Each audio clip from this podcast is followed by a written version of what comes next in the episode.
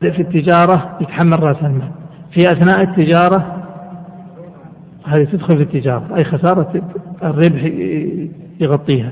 بعد القسمة والتنظيف خلاص. كأنه الآن كل واحد استلم كل واحد يتحمل ماله. أكمل يا شيخ. فصل. الثالث شركة الوجوه. نعم.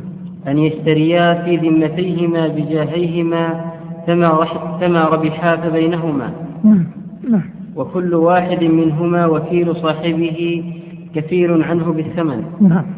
والملك بينهما على ما شرطاه. الملك على ما شرطاه ليش؟ لأنه أصلا ما عندهم مال هم ديون. فيقول واحد أنا أتحمل من هذه الديون ستين في المئة والثاني يقول أتحمل أربعين.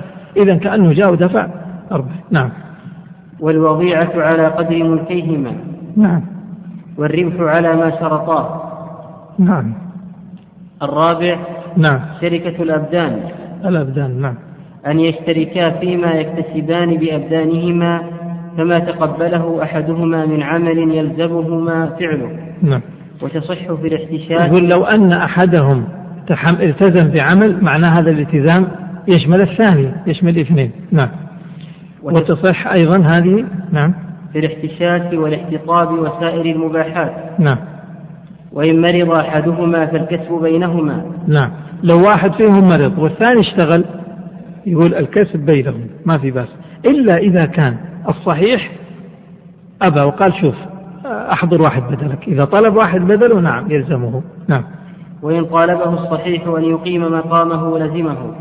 نعم. لزمه أن يقيم مقامه وإلا يفسخون الشركة. لزمه أن يقيم أن يأتي بشخص بدله. إذا واحد فيهم مرض فالآن الثاني إما أن يتحمل العمل لوحده وينقسم الربح أو يطالب المريض يقول للمريض أحضر بدلك شخصا فإن طالب فإنه لا يقتسم الربح معناه إما أن يأتي بشخص أو أو آه، أو تفسخ الشركة. نعم. مفاوضة. أن يفوض كل منهما إلى صاحبه كل تصرف مالي وبدني من أنواع الشركة. يعني الخمسة. نعم. أو أنواع الشركة الأربع الماضية. يعني نعم. والربح على ما شرطاه. نعم. والوضيعة بقدر المال. نعم.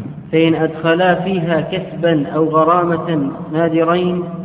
هذا يبطل الشركة. يقول شركة المفاوضة إذا دخل فيها الكسب النادر الكسب النادر والغرامة النادرة الكسب النادر مثل اللقطة يعني يقولوا نحن شركاء في كل شيء. إذا صارت مضاربة أنت إذا سويت مضاربة ندخل شريك معك. وأنا لو اشتغلت ببدني في شيء فأنت شريك معي. وإذا اشتغلنا سوا معا بمالنا وبدننا فنحن شركاء. وهكذا. وإذا أخذنا شيء بجاهنا فنحن شركاء فيه. يقول هذه شركة الآن مفاوضة فإن قال إذا حصلت لقطة فأنا أدخل معك فيها. أو وجدت ركاز فأنا أدخل معك فيه. أو ميراث فأنا أدخل معك فيه. هذا هو الكسب النادر. يقول الكسب النادر يبطله إذا اشترط كسبا نادرا بطلت. أو غرامة نادرة. يقول شوف إذا إذا جاءت أو إذا حصلت مثلا حصل عليك دية فندخل معك شريك. ندخل مع بعض شريك فيها. قال أكمل. أو ما يلزم أحدهما من ضمان غصب نعم. أو نحوه فسدت. فسدت لكثرة الغرض. يقول إذا لزمك يعني لو حصل مثلا قصرت شيء وطولبت به فمعنى أدخل معك أنا فيه. إذا اشترط إدخال الكسب النادر نقول تبطل هذه الشركة تفسد الشركة. ليش تفسد؟ لكثرة الغرر. إذا شركة المفاوضة باختصار تصح إذا اقتصرت على أنواع الشركة الماضية. أما إن دخل فيها الكسب النادر فإن هذا الشرط يفسد هذا العقد وتبطل الشركة. أكمل يا شيخ. باب المساقاة. المساقاة دفع شجر. له ثمر مأكول لمن يسقيه بجزء معلوم مشاع من الثمر. إذا السقي المساقاة دفع الشجر هو قال المصنف ها؟ نعم. دفع شجر له ثمر لمن يسقيه بجزء معلوم مشاع من الثمر. هذه المساقاة المساقاة لها ثلاث صور. إما أن يعطيه شجر وأرض ويقول اغرس الشجر والثمرة بيننا. أو يعطيه شجر مغروس وما في ثمر.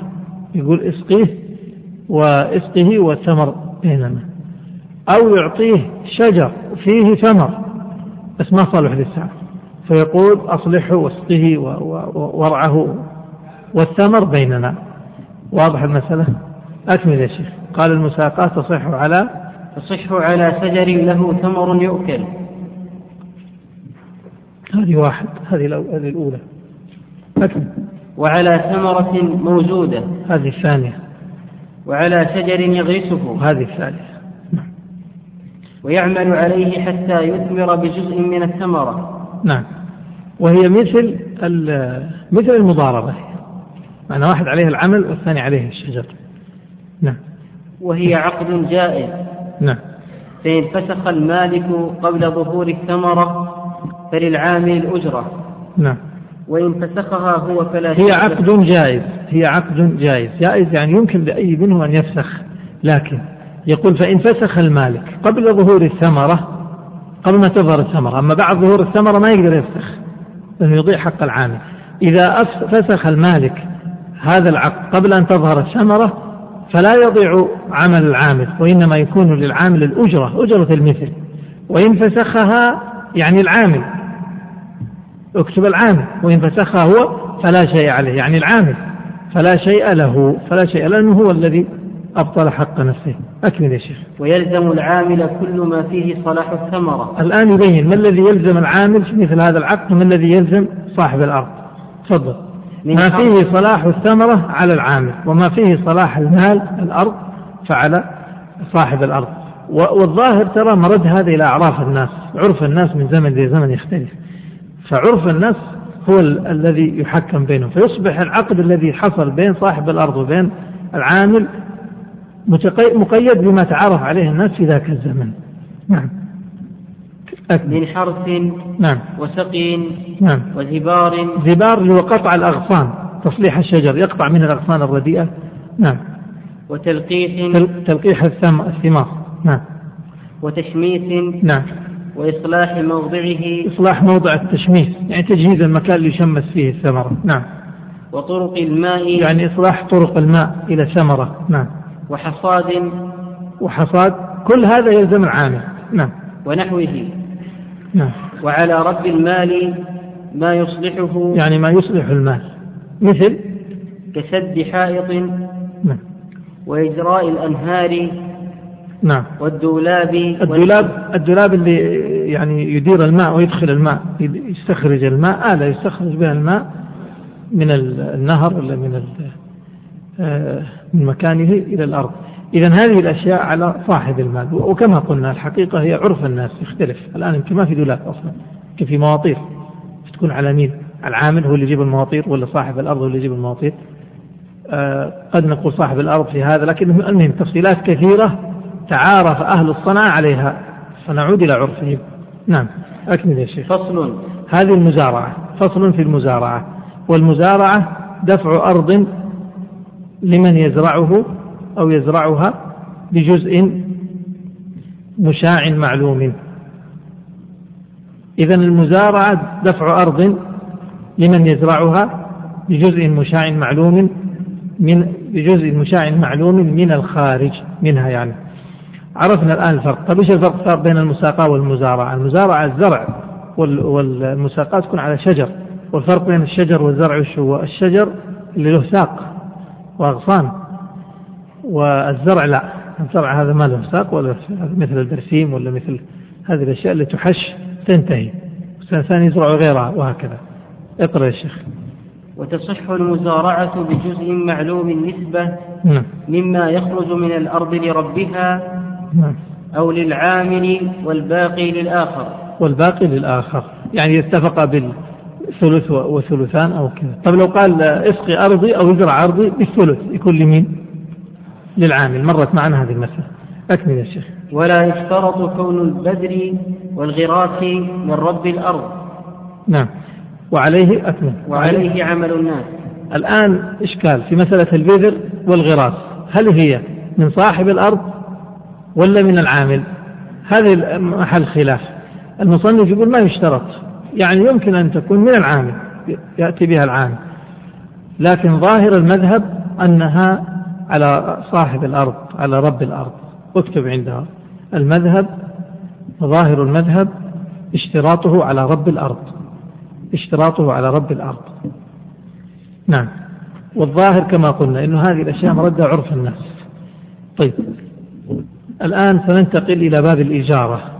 واكتبوا تعريف الإجارة. الإجارة شرعا عقد على منفعة أو عمل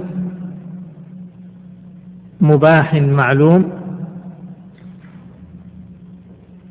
بعوض معلوم. أصبح عقد على منفعة أو عمل. العقد عقد على منفعة أو عمل. مباح معلوم يعني العمل مباح معلوم أو المنفعة مباحة معلومة بعوض معلوم. هذه الإجارة. ارجعوا إلى الملخص 21 عندنا شروط لصحة الإجارة. الإجارة لا تصح إلا بثلاثة شروط. الشرط الأول معرفة المنفعة. لا يصح عقد الإجارة على منفعة مجهولة. لابد أن تتعين بالضبط. إيش تبغى؟ عقد الإجارة على إيش؟ عقد الإجارة نوعين إما على عمل أو على منفعة. إيش على عمل؟ على عمل أعطيك هذا القماش تخيطه. هذا عمل. أو أشغلك يعني آتي بشخص وأشترط عليه أن يعمل عندي سائق لمدة شهر. هذا عمل. منفعة معلومة. أستأجر هذا البيت لمدة سنة. إذا لابد أن تكون المنفعة معلومة معروفة. الثاني معرفة الأجرة. الأجرة تكون معلومة وهي تقابل هناك معرفة إيش؟ في البيع معرفة الثمن ومعرفة المنفعة تقابل العلم بالسلعة. قال إباحة العين لابد أن تكون هذه الإجارة مباحة لكن ما استأجر لشيء حرام لعمل حرام. فما حرم عمله يحرم أن تستأجر فيه. طيب بعد ذلك شروط العين المؤجرة. إيش شروط العين المؤجرة؟ اقرأ علينا من الملخص. معرفة العين. العين التي سأؤجرها أؤجر مثلا شقة. لابد أن تكون معروفة هذه العين. نعم. العقد على نفعها لا عينها؟ العقد على منفعتها لا على عينها. أما لو كانت العقد على منفعة على عينها معناه صارت بيع. نعم. القدرة على تسليمها؟ نعم. واضح. اشتمالها على المنفعة؟ اشتماله على المنفعة. استأجرت شقة للسكنى تكون صالحة للسكن. وهكذا. استأجرت الأرض للزرع معناها صالحة للزراعة. استأجرت الدابة للركوب صالحة. استأجرت السيارة إيجار السيارات مثلا تكون صالحة للمنفعة. لو السيارة خربانة يبطل العقد نعم. كون المنفعة مملوكة للمؤجر. كون الذي سيؤجر هذه المنفعة يملكها أو وكيلا عن المالك. اقرأ الآن. باب الإجارة نعم. تصح بثلاثة شروط. طيب الأول معرفة المنفعة. نعم. معرفة المنفعة. هذا الأول هذا الأول. ما كتب المصنف الأول لكن اكتبوا الأول. نعم. كسكنى دار. نعم. وخدمة آدمي وتعليم علم. لابد أن تكون معلومة. نعم. الثاني معرفة الأجرة. لابد أن تكون الأجرة معلومة. قال المصنف وتصح في الأجير هذا استثناء والضئر بطعامهما وكسوتهما. طيب. هذا استثناء. يقول تصح في الأجير. يمكن تستأجر الأجير بطعامه وكسوته. والضئر المرأة المرضع المرضع بطعامهما وكسوتهما. هنا الأجرة معلومة؟ معلومة تقريبا. ما هي تحديدا؟ تقريبا. طيب. بطعامها أجيب المرأة ترضع العيال وتأخذ تأكل وتشرب وتتغدى وتفطر وتتعشى. وأحضر لها ملابسها. خلاص هذه. طيب صورة ثانية. يقول وإن دخل حماما. حمام يعني زمان قديما يؤجرون الحمامات للاغتسال. أو سفينة. وأعطى أو أعطى ثوبه قصارا يعني غسال يغسل. أو خياطا. بلا عقد. صح بأجرة العادة. صحب وجوز يقولون المعروف عرفا كالمشروط شرطا. كأنه مشروط بينهم طيب أكمل الثالث. الثالث الإباحة في العين. نعم. فلا تصح على نفع محرم. نعم. كالزنا. نعم. والزمر والغناء. نعم. وجعل داره كنيسة. نعم. أو لبيع الخمر. كل هذا لا يصح. لا يصح أن يستأجر مثلا امرأة للزنا أو آه، مثلا شخص للغناء أو أو يؤجر الدار لتكون كنيسة أو يؤجر الدار لبيع الخمر فيها. نعم. وتصح إجارة حائط يعني جدار لوضع أطراف خشبه عليه. يصح أن يأجره ولا تؤجر المرأة نفسها بغير إذن زوجها. يعني ما تتوظف ما تكون موظفة. ما تعمل عند الغير سواء بالشهر أو باليوم أو كذا إلا بإذن زوجها. نعم. أكمل فصل. ويشترط في العين المؤجرة معرفتها برؤية. رقموا هنا. معرفتها واحد. يشترط في العين المؤجرة أن تكون معروفة. كيف تكون معروفة؟ معروفة بالرؤية أو بالصفة في غير الدار ونحوها. انتبهوا لهذا. الرؤية تكفي للمعرفة. الصفة تكفي ولا ما تكفي؟ يقول تكفي في الأشياء التي توصف التي تنضبط بالوصف. أما ما لا ينضبط فلا. قال أو صفة في غير الدار ونحوها. أما في الدار ما يكفي. لأنك لو وصفت الدار هل وصفها يغني عن رؤيتها؟ ما يغني. قال اثنين الشرط الثاني وأن يعقد على نفعها دون أجزائها. عقد الإجارة تكون على المنفعة مش على الأجزاء. أما على الأجزاء إيش صار؟ بيع. قال فلا تصح إجارة الطعام للأكل لأنه يفنى أجر لك هذه التفاحة عشان تأكلها. يصح هذه الإجارة ما تصح هذه الإجارة ولا الشمع ليشعله لأنه يفنى ولا حيوان ليأخذ لبنه إلا في الضئر إلا في الضئر. إلا في الضئر المرضع يا شيخ المرضع استأجر المرأة لترضع الطفل.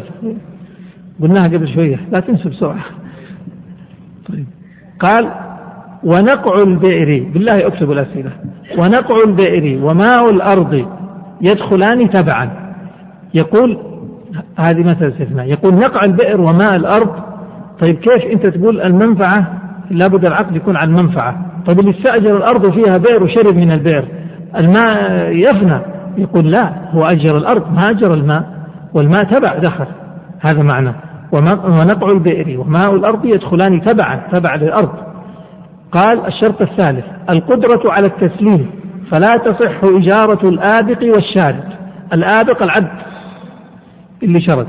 والشارد الحيوان الذي هرب. الشرط الرابع واشتمال العين على المنفعة فلا تصح إجارة بهيمة زمنة يعني مريضة لحمل عشان تحمل الأثقال. ما يصح العقد. استاجر منك السيارة عشان أشيل عليها البضاعة والسيارة ما تشتغل. العقد يبطل. ولا أرض لا تنبت للزرع فالعقد يبطل. اشتمال العين على المنفعة لأن هذه المنفعة ما تشتملها العين فلا تصح إجارتها. خامسا الشرط الخامس اكتب عندها خمسة وأن تكون المنفعة للمؤجر أو مأذونا له فيها وتجوز إجارة العين لمن يقوم مقامه لا بأكثر ضررا. إيش معناها؟ هذه مسألة جديدة الآن. يقول إجارة العين. وتجوز إجارة العين لمن يقوم مقامه. لو استأجرت أنت مني الشقة هل يمكن أن تؤجرها لمن يقوم مقامك؟ يقول يجوز لمن يقوم مقامك لكن لا يكون أكثر ضرر منك. لا يكون أكثر ضررا منك. يعني أنتم عائلة خمسة أنفار ما تأجرها لعائلة 15 نفر. لكن هذا الكلام إلا إذا اشترط المؤجر عدم الإجارة إلا إذا اشترط عليك أنك ما تؤجر. قال المصنف وتصح إجارة الوقف الأوقاف. يصح إجارتها. فإن مات المؤجر يقصد هنا بالمؤجر يعني الذي يستحق الوقف. الآن لنفرض أن هذا الوقف نفرض هكذا. هذا وقف على فلان وأولاده ثم أولاده. على فلان ثم على أولاده. فهل يصح أن تؤجر؟ يؤجر الوقف؟ الجواب نعم المسألة تحتاج تفصيل. وقفنا عند مسألة تأجير الوقف وقلنا إن آه، تصحه إجارة الوقف. فإذا مات المؤجر وانتقل إلى من بعده لم تنفسخ وللثاني حصته من الأجرة. والمعنى صورة ذلك. هذا وقف أجرناه لمدة سنة بعشرة آلاف ريال. ريع هذا الوقف. يذهب لمن؟ يذهب للمستفيد. هذا الوقف مثلا على فلان أو على فلان ثم ذرية فلان. فنفرض أن المستفيد من هذا الوقف صالح. إذا هذه العشرة آلاف ريال أخذها صالح. دفعنا الأجرة في محرم في أول السنة عشرة آلاف ريال استلمها صالح. بعد ستة أشهر مات صالح اللي هو المستفيد من الوقف أصبح المستفيد من الوقف بعد صالح من؟ لنفرض أنه اللي بعده الجيل اللي بعده. الجيل اللي بعده مثالا يعني. نقول أصبح المستفيد بعد صالح عمر. الآن عمر يستحق من العشرة آلاف خمسة آلاف ريال. فيقول إحنا دفعنا العشرة آلاف لصالح صالح استلمها ثم مات وعنده خمسة آلاف ريال استلمها ما يستحقها. فنقول لعمر أن يرجع على صالح يعني للثاني المستفيد الثاني أن يرجع على المستفيد الأول بالحصة التي يستحقها. في هذا المثال يستحق كم؟ يستحق خمسة آلاف. بمجرد موت الأول انقطع استحقاقه في الوقف. فكل مبلغ استلمه زيادة عما يستحق هو للمستحق الذي سيأتي بعد. هذا معنى الكلام. قال فإن مات المؤجر وانتقل إلى من بعده لم تنفسخ وللثاني حصته من الأجرة. ثم قال وإن آجر الدار ونحوها مدة ولو طويلة يغلب على الظن بقاء العين فيها صح. إنسان أجر أرضه عشر سنين أو أجر بيته عمارة أجرها عشر سنين أو عشرين سنة. يصح هذا العقد ولا ما يصح؟ إذا كان يغلب على الظن أن هذه العمارة تعيش عشرين سنة صح. لكن إذا كان يغلب على الظن ما تعيش هذه المدة لا. قال وإن استأجرها لعمل كدابة بركوب إلى موضع معين أو بقر لحرف أو دياس زرع أو من يدله على طريق اشترط معرفة ذلك. هذه صور للإجارة يقول إذا استأجرها إذا استأجر لعمل لعمل كدابة هذه صورة. استأجر الدابة للركوب إلى موضع معين. أو استأجر البقر للحرف أو استأجر رجلا يدله على طريق اشترط معرفة ذلك. يعني لابد من معرفة الإجارة بالضبط ما هي طبيعتها. وضبطه بما لا يختلف. ولا تصح على عمل يختص أن يكون فاعله من أهل القربة. لا تصح الإجارة على عمل يختص صاحبه أن يكون من أهل القربة. قالوا كالحج والأذان. نعم ونحو ذلك من العبادات ما يصح. إذا كان هذا العمل قربة فلا ينبغي أن يأخذ أجرة ولا تصح الإجارة عليها. لكن يجوز أن يأخذ الرزق. ما هو الرزق؟ الرزق يعني عطية من بيت المال مكافأة من بيت المال. يجوز ذلك. ويجوز أن يأخذ بدون شرط. يجوز. إذا أعطوه بدون شرط جاز ذلك. يقول المصنف الآن يبين المصنف ما الذي يجب على المؤجر وما الذي يجب على المستأجر. قال وعلى المؤجر كل ما يتمكن به من النفع. وهذا في الحقيقة مرد إلى أعراف الناس. إيش اللي للمؤجر وإيش اللي على المستأجر؟ هذا عرف الناس. معناه لما تستأجر شيء تستأجر مثلا مثلا شقة تستأجر شقة. نص العقد ينص على استئجار شقة لكن ما ينص على تفصيلات كثيرة معروفة عرفا. مثلا معروف عرفا إذا استأجرت الشقة الكهرباء على من؟ على على عليك أنت ولا على المالك؟ على المستأجر. وهكذا يعني بلاش نخوض في تفصيلات. عرف الناس ما تعارف عليه الناس هو هو السائر وإذا أردت أن تخرق هذا العرف ينبغي أن تنص في العقد على خلافه فما لم ينص فيه في العقد على خلافه في الأصل هو العرف. يقول المصنف كل على المؤجر كل ما يتمكن به من النفع كزمام الجمل. هذا مثال ضرب مثال بما يعني يكون كان في عصره. قال كزمام الجمل يعني حبله ورحله مقعد الراكب وحزامه والشد عليه وشد الأحمال وشد المحامل والمحامل يعني شد المحامل. والرفع والحط ولزوم البعير. لزوم البعير يعني مسك البعير والمحافظة على البعير هذه كلها على على المؤجر اللي هو صاحب البعير اللي أجر البعير. قالوا مفاتيح الدار وعمارتها هذه كلها على على المؤجر. أما تفريغ البالوعة البالوعة البيارة اليوم والكنيف الكنيف اليوم ما عندنا كنيف الظاهر المجاري خلاص مجاري أو سحب لكن على العموم. في زمنهم كان هناك شيء يسمونه الكنيف وهو مجمع القاذورات. يقول فيلزم المستأجر إذا تسلمها فارغة. يعني تفريغ البالوعة يقول عن المستأجر إذا استلم هذا مثال أيها الأحباب ما يهمنا الآن كثير. الآن اللي يهمنا ما الذي على المستأجر وما الذي على المؤجر. ما نص عليه العقد فهو ملزم أيا كان. وما لم ينص عليه العقد فالعبرة هو العرف ما تعارف عليه الناس. وإذا حصل خلاف في العرف فالمرد إلى أهل الخبرة معنى يرجعون إلى أهل الخبرة فيعرفون العرف.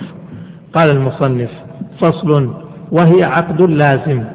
عرفنا العقد اللازم والجائز الإجارة عقد لازم. وإذا قلنا لازم معناها هل يستطيع أحد فسخها؟ يستطيع أحد فسخها؟ ما يملك. ما يستطيع المستأجر ولا المؤجر أن يفسخ عقد الإجارة في نصف الزمن في نصف المدة. ما يستطيع إلا بموافقة الطرف الثاني. إن اتفق جاز ذلك. قال وهي عقد لازم. فإن أجره شيئا ومنعه كل المدة أو بعضها فلا شيء له. إذا هي لازم. لكن أفرض أني استأجرت الشقة ما سلمني هي. استأجرتها سنة كاملة لم يسلمني هي ولا يوم واحد. هل يستحق شيء؟ يقول ما يستحق شيء. أو بعضها ما سلمني استأجرتها سنة فسلمني إياها منعني بعض السنة يقول لا يستحق شيئا. وإن بدأ الآخر قبل انقضائها الآخر اللي هو من المستأجر. اكتب عندها المستأجر. وإن بدأ الآخر قبل انقضائها يعني المستأجر. فعليه الأجرة. إذا كنت أجرت الشقة لمدة سنة وسلمتها ثم المستأجر بعد ستة أشهر أراد الخروج. يجوز له ذلك ولا لا؟ الخروج يجوز له أن يخرج؟ يجوز له أن يخرج بس يدفع الأجرة إلى نهاية السنة. يدفع الأجرة إلى نهاية السنة. ما نقول حرام الخروج. خروج جائز. لكن الأجرة تلزمه إلى نهاية السنة. قال ليش؟ لأن عقد الإجارة عقد لازم. والإجارة انصبت على سنة. طيب استأجر الشقة ثلاث سنوات. قضى السنة الأولى ثم أراد أن يخرج. يلزم بإيجار السنتين الباقية. طيب استأجر الشقة شهر واحد بالشهر عقد الإجارة شهري. فجلس الشهر الأول ودفع الأجرة. الشهر الثاني دفع الأجرة. الثالث دفع. بعدين بيخرج. يمكن أن عقد الإجارة انتهى بالشهر. إذا العبرة بالعقد ما هو؟ قال المصنف. وتنفسخ بتلف العين المؤجرة. لو استأجرت الشقة فتلفت الشقة هذه. انفسخ عقد الإيجار. استأجرت السيارة فتلفت السيارة. انفسخ عقد الإيجار. قال وبموت المرتضع. استأجرت الضئر اللي هي المرضع حتى ترضع الطفل. مات الطفل. يقول انفسخت الإيجار. وبموت المرتضع والراكب إن لم يخلف بدلا. استأجرت الدابة لكي تحمل هذا يحمل هذا الشخص إلى مكان معين فمات هذا الشخص. يقول انفسخت الإيجار. وانقلاع ضرس أو برئه ونحوه. استأجرت شخص ليقلع الضرس. فبرئ الضرس قبل أن يعمل هذا الرجل شيئا. ما بدأ في عمله برئ الضرس. يقول انفسخت الإيجار ثم قال لا بموت المتعاقدين أو أحدهما. يقول لو مات أحد المتعاقدين ما تبطل الإجارة. إيش الفرق؟ طيب قبل قليل قلنا إنه تلف العين وموت الرضيع وموت الراكب وانقلاع الضرس يفسخ الإجارة. قال نعم. في هذه الحالة تنفسخ الإجارة لتعذر استيفاء المعقود عليه. لتعذر استيفاء المعقود عليه. بمعنى جبنا المرأة استأجرنا المرأة لترضع الطفل مات الطفل قبل أن ترضع. ما يمكن أن ما نعطيها أجرة لأن ما حبسناها مدة. خلاص إحنا جبناها لغرض لم تؤديه لم تقم بهذا الغرض. واستأجرت الدابة لتحمل هذا الرجل إلى مكان فلاني. يعني تصور الآن استأجرت تاكسي مثلا. استأجرت تاكسي إلى مكة. فاستأجرت التاكسي مات الرجل اللي بيذهب لمكة. يقول انفسخ عقد الإيجار لكن استأجرت الشقة لمدة سنة. فالمستأجر مات بعد شهر. هل تنفسخ إيجار الشقة؟ لا ما ينفسخ إيجار الشقة. ما ينفسخ إيجار الشقة. قال لا بموت متعاقدين. ليش؟ لأن الشقة عنده هو. يستفيد منها يستفيد منها أولاده يستفيد منها ورثته يستفيد منها. كيف؟ لكن إذا استأجرت على عمل معين فما استطاع أن يؤديه فعند ذلك لا يأخذ شيء لا يستحق شيء. لكن هنا لا الشقة مسلمة واستفيد منها كما شئت. قال لا بموت المتعاقدين وحدهما لا تنفسخ الإجارة ولا بضياع نفقة المستأجر ونحوه. ضياع النفقة ما يفسخ الإجارة تبقى دين في ذمته ما عنده وفاء تلزمه في ذمته. قال المصنف وإن اكترى دارا اكترى يعني استأجر. دارا فانهدمت. اكترى الدار استأجر الدار فانهدمت بعد ستة أشهر. استأجر الشقة عشرة, عشرة آه، سنة كاملة بعشرة آلاف. بعد ستة أشهر انهدمت هذه الشقة. كم يستحق؟ بعشرة آلاف ستة أشهر. قال أو أرضا لزرع فانقطع ماؤها أو غرقت استأجر الأرض للزراعة فانقطع الماء ما صارت تصلح للزراعة أو غرقت انفسخت الإجارة في الباقي يعني في الستة شهور الباقية. ليش؟ إذا انهدمت العمارة مثلا لا قدر الله نسأل الله يكتب أن عمارة تنهدم. لكن حصل ذلك مثلا بعد ستة أشهر. يدفع أجرة ستة أشهر التي استفاد منها لأنه استفاد من العين مدة ستة أشهر. فيدفع إيجارها الإجارة في الباقي في المدة الباقية انفسخت لكن المدة التي مضت لا تنفسخ. ثم قال وإن وجد العين معيبة أو حدث بها عيب فله الفسخ. إذا استأجر العين فوجد فيها عيب أو استأجر العين فحدث فيها العيب بعد ذلك. قال فله الفسخ وعليه أجرة ما مضى. هذه قاعدة مثل مسألة إيش؟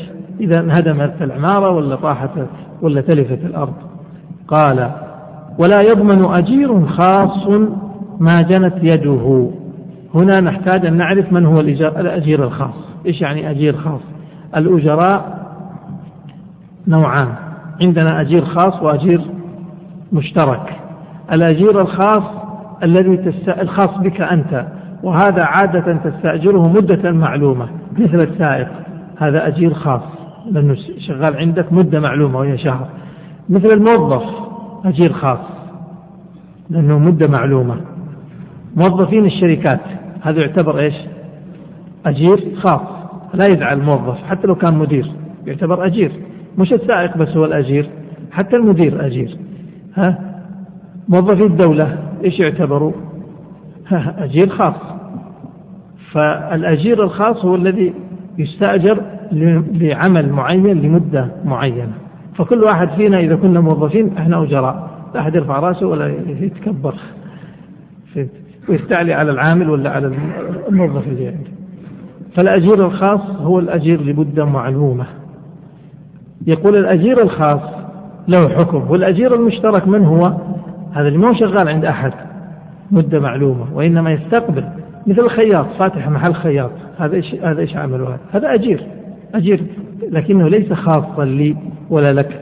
هذا مشترك. أنا أستأجر لخياط الثوب وأنت تستأجر خياط الثوب والثاني تستأجر خياط الثوب وهكذا.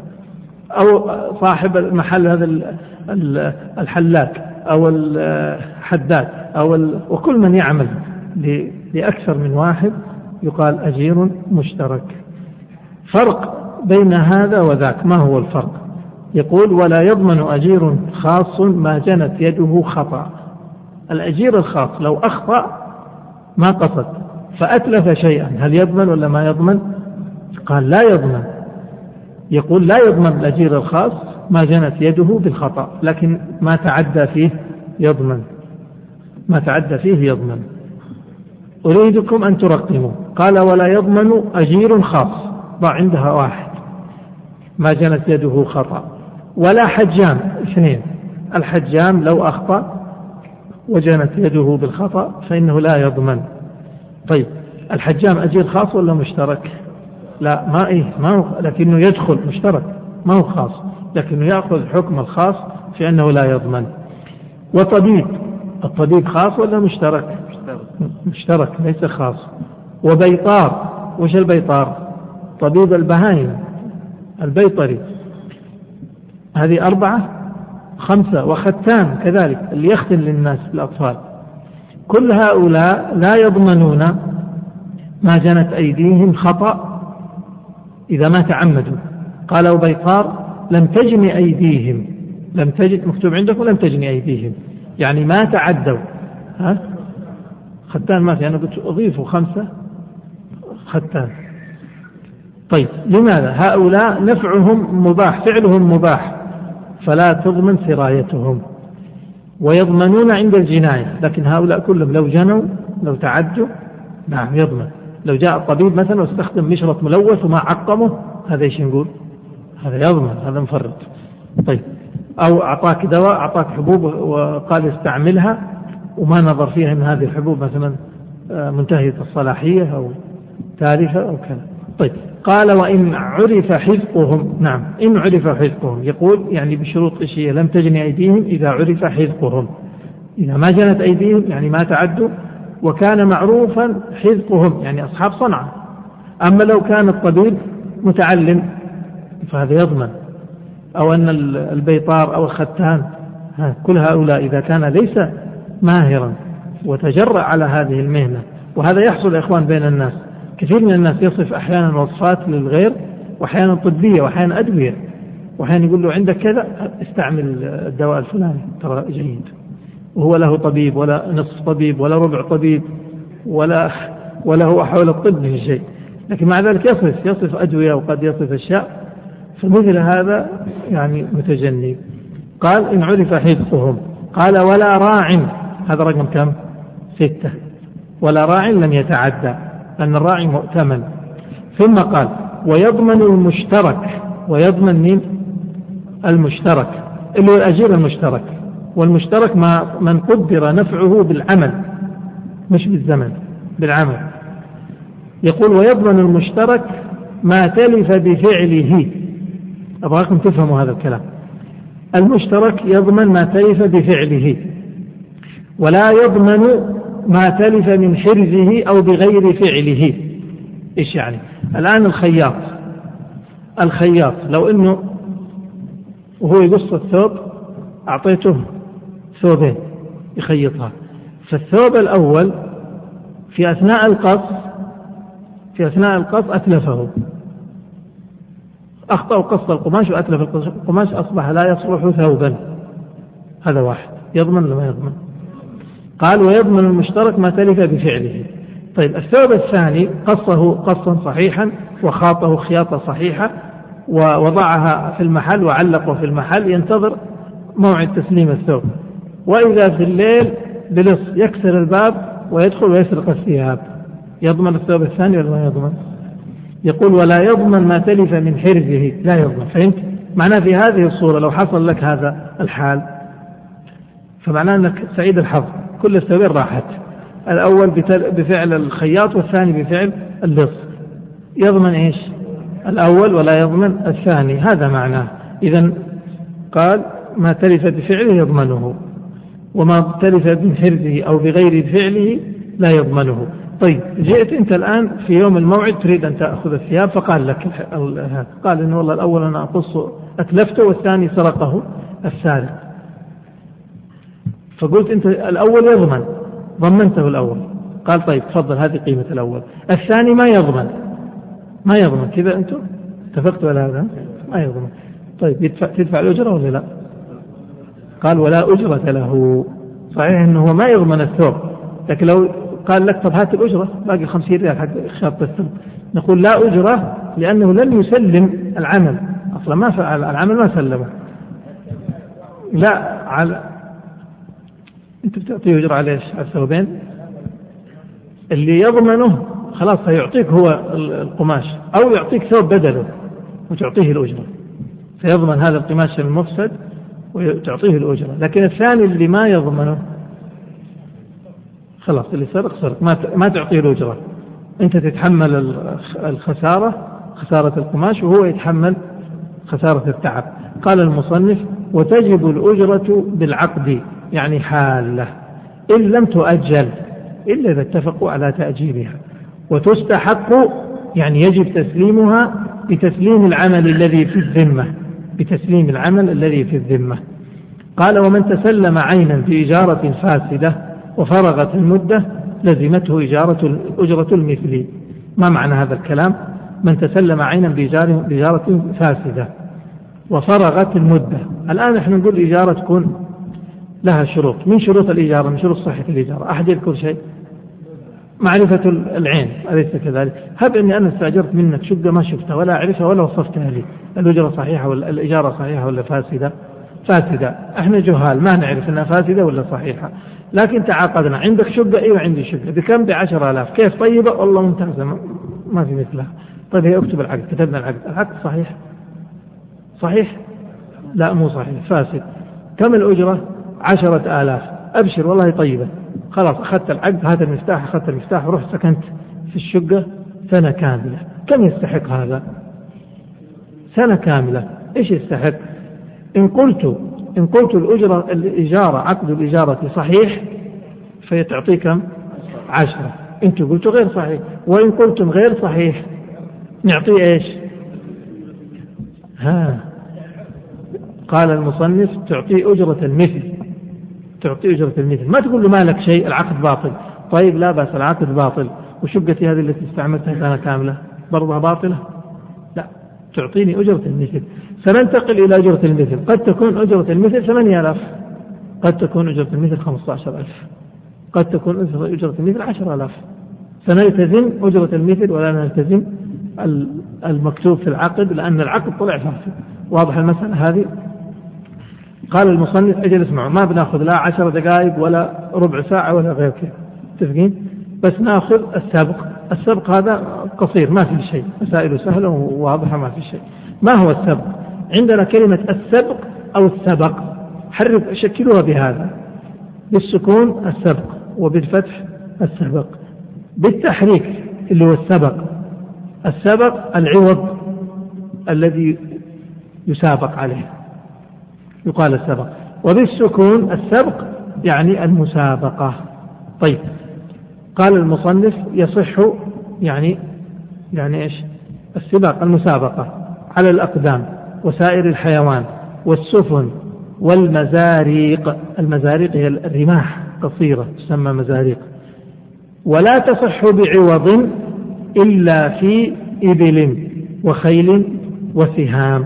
لا تصح بعوض إلا في هذه إلا في هذه الثلاثة للحديث لا سبق إلا في خف أو نصر أو حافر.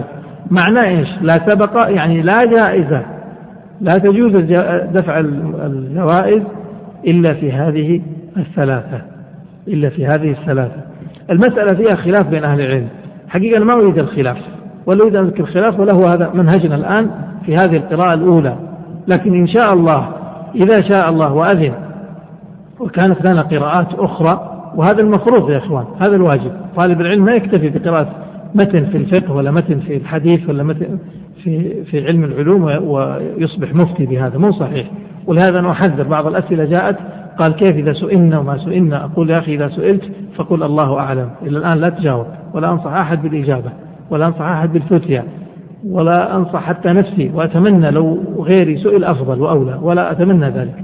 فأقول الجواب مو الآن لا يستعجل الإنسان الفتية الإنسان يحرص على طلب العلم وعلى التعلم لماذا؟ ما هو الهدف؟ حتى يتصدر على الناس؟ لا طبعا يحرص على التعلم للتطبيق للعمل فقط ثم بعد ذلك إذا تأهل وتأكد أنه تأهل وعرف من غيره أنه متأهل لا بأس أن يعلم الناس ولا بأس أن يفتي ولا بأس أن يتصدر لهذا المنصب الخطير نسأل الله السلامة والعافية والسلامة لا يعادلها شيء كونك تجلس في بيتك ما تفتي أحد؟ ولا تجاوب أحد هذا أسلم لك وأمل لدينك ولدنياك. فاللي جاب الكلام هذا ما هو نسيت. الشاهد. نرجع مرة ثانية فأقول مفترض أن تكون قراءة ثانية وثالثة. أنا حقيقة لست راض عن هذه القراءة. لأني أشعر أني مضطر أن, أخلص وأنتهي والدورة أسبوعين ولا بد في الأسبوعين هذا ننتهي من المقرر. لا بأس. ننتهي باختصار. يعني ما نفصل. لكن لابد أن تكون هناك قراءة أخرى أكثر تفصيلا ويكون فيها ذكر الدليل وقفة مع كل مسألة ودليلها.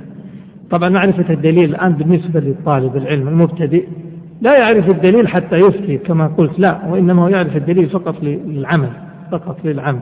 لكن المشكلة إذا أردتم أن نفصل وأن نذكر الأدلة في كل مسألة فحقيقة التزموا الآن وكل واحد يختم ويبصم على أن يحضر لمدة شهر كامل.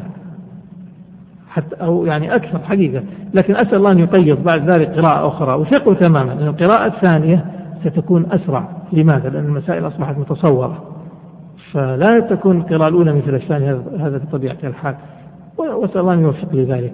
إيش اللي جاب الموضوع هذا؟ مسألة الخلاف في هذه المسألة. الآن ما أريد الخلاف لكن الحقيقة أنه في مسابقات كثيرة تقام وتدفع عليها عوض. فهل هذا يجوز ولا ما يجوز؟ المصنف يقول أنه ما سوى الثلاثة ما تجوز فيها العوض. وهذه الثلاثة يجوز فيها العوض. وهذا رأي. الرأي الثاني يقول لا. أنه يجوز العوض في كل شيء إذا وجد المحلل إذا وجد يعني إذا صارت مسابقة ها؟ لا لا المحلل يعني كانت مسابقة مثلا بين اثنين أو طرف ثالث لابد من طرف ثالث لا يدخل لا يدفع عوض. في مسألة السباق. الشاهد أن المسألة فيها الخلاف. كلام المصنف شيء والقول الثاني شيء آخر يجوز أنه يجوز دفع العوض في أي شيء فيه منفعة ولا يقتصر آه، تحريم دفع العوض أو جواز دفع العوض ليس مقصورا على هذه الثلاثة فقط. وإن كان الحديث الحديث يرشد للأولى والأفضل فقط إنه أولى ما تدفع فيه المسابقات ما كان فيه نفع ولذلك الحديث ذكر الخوف والنصب والحافر. ما ذكر طلب العلم؟ أليس كذلك؟ وطلب العلم من أنفع الأمور ومن أولى ما يدفع فيه السبق لأنه في مصلحة. فالشاهد الصحيح أن يقال دفع السبق يعني الجوائز تجوز في كل شيء وهي فيما هو مفيد أو لا فقط. وخلاص بلاش ذكر الخلاف لأن مسألة الخلاف في هذه القضية تطول. بنا قال المصنف ولا تصح بعوض إلا في هذه الثلاثة. ثم قال طيب قال ولا بد من تعيين المركوبين واتحادهما اكتب عندها يعني في النوع والرماة وتعيين الرماة. يعني في المسابقة لابد أن يتعين المركوب وش هو؟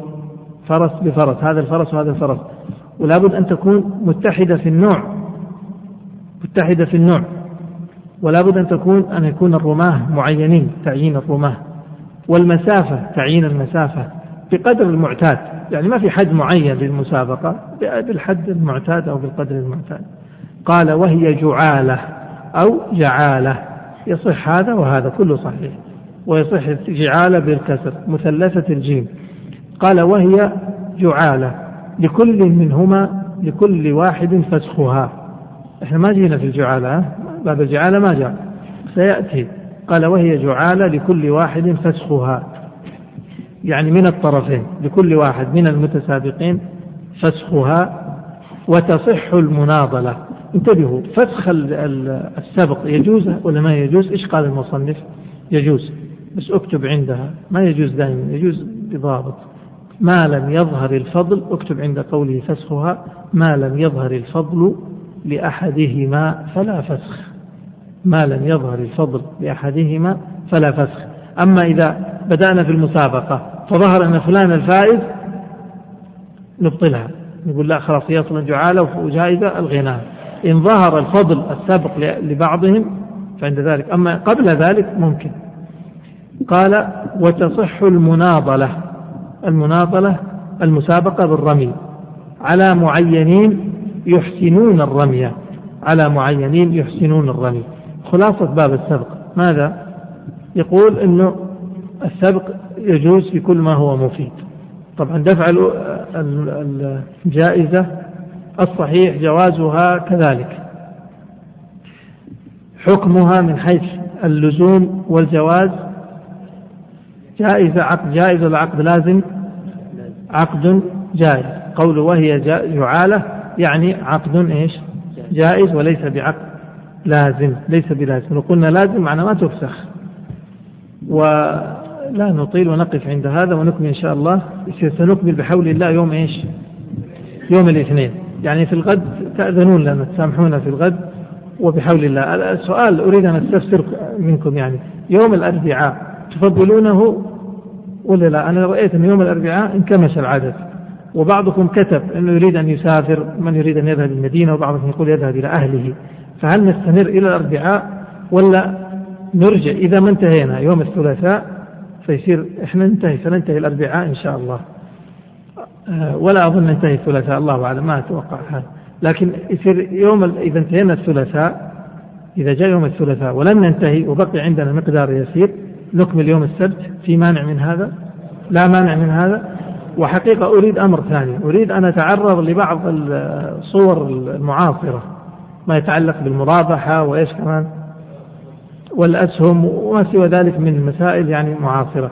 بس بعد ما ننتهي من كتاب يصير يعني يوم الأربعاء إذا لم ننتهي إذا ما انتهينا الثلاثاء ولن ننتهي من الآن أقول لكم ما ننتهي الثلاثاء. أتوقع أن نحتاج إلى يوم السبت. يعني الأحد ما أظن يمكن نحتاج ما نحتاج ما أتوقع.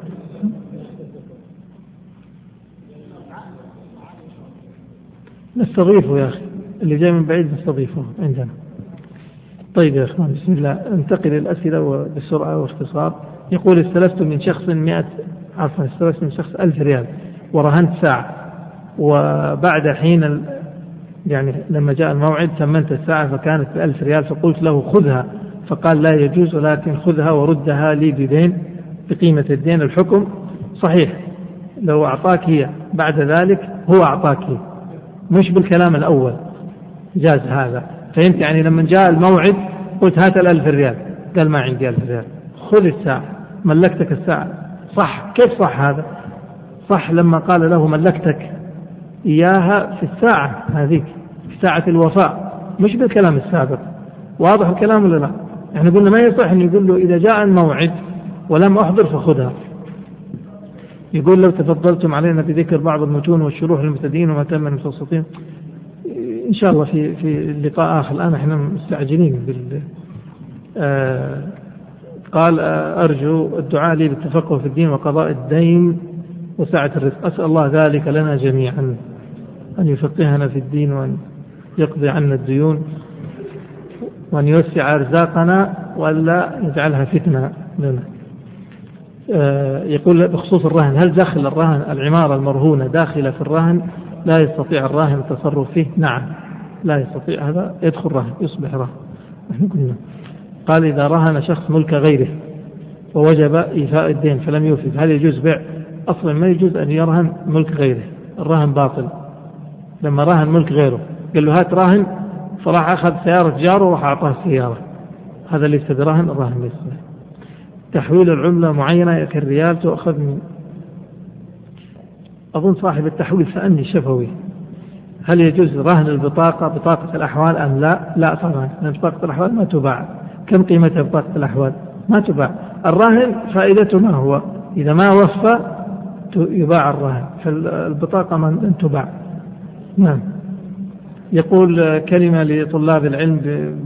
عن آداب طلب العلم حيث يتم حيث إيش؟ ملاحظة بعض الطلاب يرمي الكتاب أمامه دون اهتمام. هذه نصيحة من أخ من أخيكم لكم ولنا جميعا. ينبغي يعني حقيقة الاهتمام أنا رأيت مناظر لا تليق بطلاب العلم يعني. لا يمشي واحد فوق الكتاب ولا يطأ برجله ولا يعني. كل هذا ينافي لأن هذه الكتب محترمة فلا يليق ذلك. آه، آه، رجل يقول لو اشترى رجل اشترى سلعة بثمن آجل وقبل حلول الأجل أراد المشتري أن يصالح على الثمن. بثمن آجل وقبل الحلول أراد أن يصالح على الثمن بمبلغ أقل على أن يدفعه حالا. من يجاوب على هذا السؤال؟ هذه مسألة إيش اسمها؟ هذه ضاع وتعجل. وش حكمها طيب؟ المذهب إيش؟ المذهب ما يجوز. لكن الظاهر الجواز. ما معنى الملك المشاع؟ الملك المشاع يعني غير محدد. الملك المشاع غير محدد. لو اشتريت هذه العمارة يصير ملكي مشاع؟ لا مو مشاع. اشتريت أنا وأخي هذه العمارة. أملك في العمارة نصف مشاع. واضح؟ طيب لو اشتريت أنا وأخي هذه العمارة وقسمناها قلت أنا لي الدور الأرضي وأنت لك الدور الثاني. ملك مشاع ولا محدد؟ محدد. قال هل يمكن تكون الكفالة مالية؟ نعم نسميها إيش إذا كانت مالية؟ ضمان. آه، يقول هذا رجل بينه وبينه تجارة بمجهود هو بالمال وهذا بالمجهود وفي نصف المشروع لم يلتزم بشرط وأراد آه، يريد المال ماله الذي أنفقه. ماذا يترتب طبعا هذا عقد مضاربة. وعقد المضاربة جائز ولا غير جائز؟ يعني جائز ولا لازم؟ نتكلم جائز ولازم مش جائز ولا حرام. جائز ولا لازم؟ جائز. جائز. لكن أنا ما أجيبك الآن على هذا. أرى أن لابد من بسط السؤال تماما يعني. لكن في الجملة الجواب العام أنه عقد المضاربة جائز. بمعنى بدأت أداك مئة ألف ريال وقال لك اشتغل. بدأت تشتغل. بعد ستة أشهر قال لك وقف ما نريد صفي. خلاص صفي. له ذلك. طيب إذا كان الشخص يتاجر باسمه فقط والمال منه ما نوع الشراكة والشريك تحت كفالة ما يلزم. إيش يعني يتاجر باسمه فقط؟ والمال منه يعني منه المال ومنه العمل. التستر هذا أو هذا يبغى له وزارة التجارة الله يحفظك. إيه. لا هذه شراكة ما هي ولا شركة. لا هذا اسمه اسمه شراكة الظلم والاستبداد. وما يجوز. لا لا ما يعني ما يليق هذا طبعا. طيب هو حر ما أدري.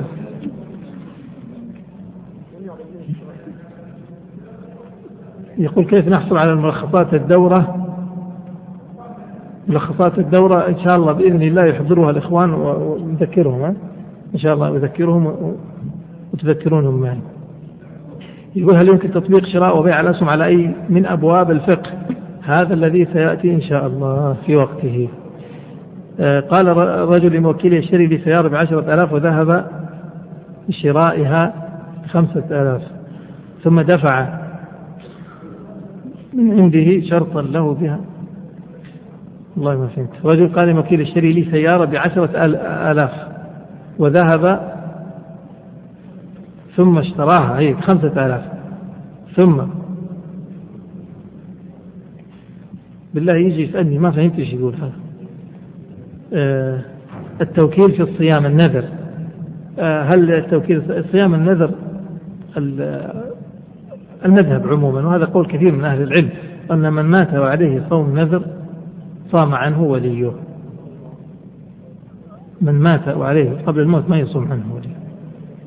يقول طيب يقول ما معنى قول المصنف قرينة؟ في قوله ولا يقبض الثمن بغير قرينة.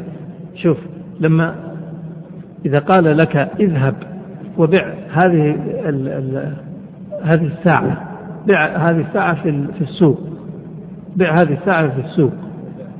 ها؟ بيعها في السوق في المزاد. فهذا توكيل بتسليم الساعة. هل هو توكيل باستلام الثمن ولا هو توكيل؟ القرينة إيش؟ القرينة تدل ها؟ القرينة تدل على استلام الثمن لأنه كيف معناه؟ معقول إن أقول لك خذ الساعة وروح السوق أعطيها أي واحد؟ ومالي يضيع؟ قطعا لا. لكن تصور لو قلت لك خذ هذه الساعة بيعها لجارنا زيد جارنا هذا اللي ساكن جنبنا هذا اللي يصلي معنا بالله بيعها عليه أعطيه وبيع به. يمكن ما أبغاك تستلم الثمن. أنا أستلم الثمن من زيد أما أقول لك بيعها في السوق في الشارع لأي واحد معناه أني ما أبغاك تستلم الثمن؟ فهمني كيف أحصل عليه؟ طبعا واضح أن القرينة هنا تريد إيش؟ إذا وجدت قرينة يعني علامة أمارة دليل يدل أني يريد الاستلام فمعناه آه يقول سمعت أحد الشباب بدأ بطلب العلم يقول لشاب قد اهتم بحفظ القرآن عليك بطلب العلم فإنه واجب فما رأيك؟ يقدم حفظ القرآن ثم بعد ذلك يهتم بطلب العلم هذا الصحيح. إذا مللتم قولوا لي مللنا خلاص. يقول إذا تلفت السلعة وقد أعطيته مبلغا كاملا فهل لي أن أسترد؟ إيش يعني؟ أنت إيش أعطيته بصفته مين مشتري يعني؟ إذا تلفت السلعة وقد أعطيته المبلغ كامل فهل لي أن أسترد مالي؟ ما, ما هو واضح طبعا. ما, ما أدري إيش تقصد أنت. اشتريت السلعة ودفعت المال كامل وتلفت السلعة عندك في أي صورة تتكلم؟ عن البيع ولا إذا أخذت السلعة بيعا. واستلمتها بيعا ودفعت المبلغ كامل وتلفت السلعة عندك فهذه من ضمانك أنت. هذا هو. تكلم عن الإجارة تكلم على إيش؟ ما أعرف. أتمنى أن مثل هذا يأتيني يسأل. آه يقول سلعة بألف ريال بشرط البائع عربون ومدة مئة ريال في أسبوع وإلا ذهب العربون. هل يحل؟ تحل هذه المئة؟ مذهب الإمام أحمد عليه رحمة الله يرى أنها نعم يجوز هذا البيع. يجوز. يقول كيف يضمن الوكيل الزيادة؟ كيف يضمن الزيادة الوكيل؟ أقول لك كيف يضمن الزيادة الوكيل. إذا راح اشترى الوكيل إذا حددت له أنا آه، أن يبيع أن يشتري السلعة بألف ريال. قلت روح اشتري لي ساعة بألف ريال. راح اشتري لي ساعة بألف وخمسمائة ريال. يضمن هو الزيادة. أنا ما أضمن الزيادة. هذا وصلى الله وسلم وبارك على نبينا محمد وعلى آله وصحبه وسلم.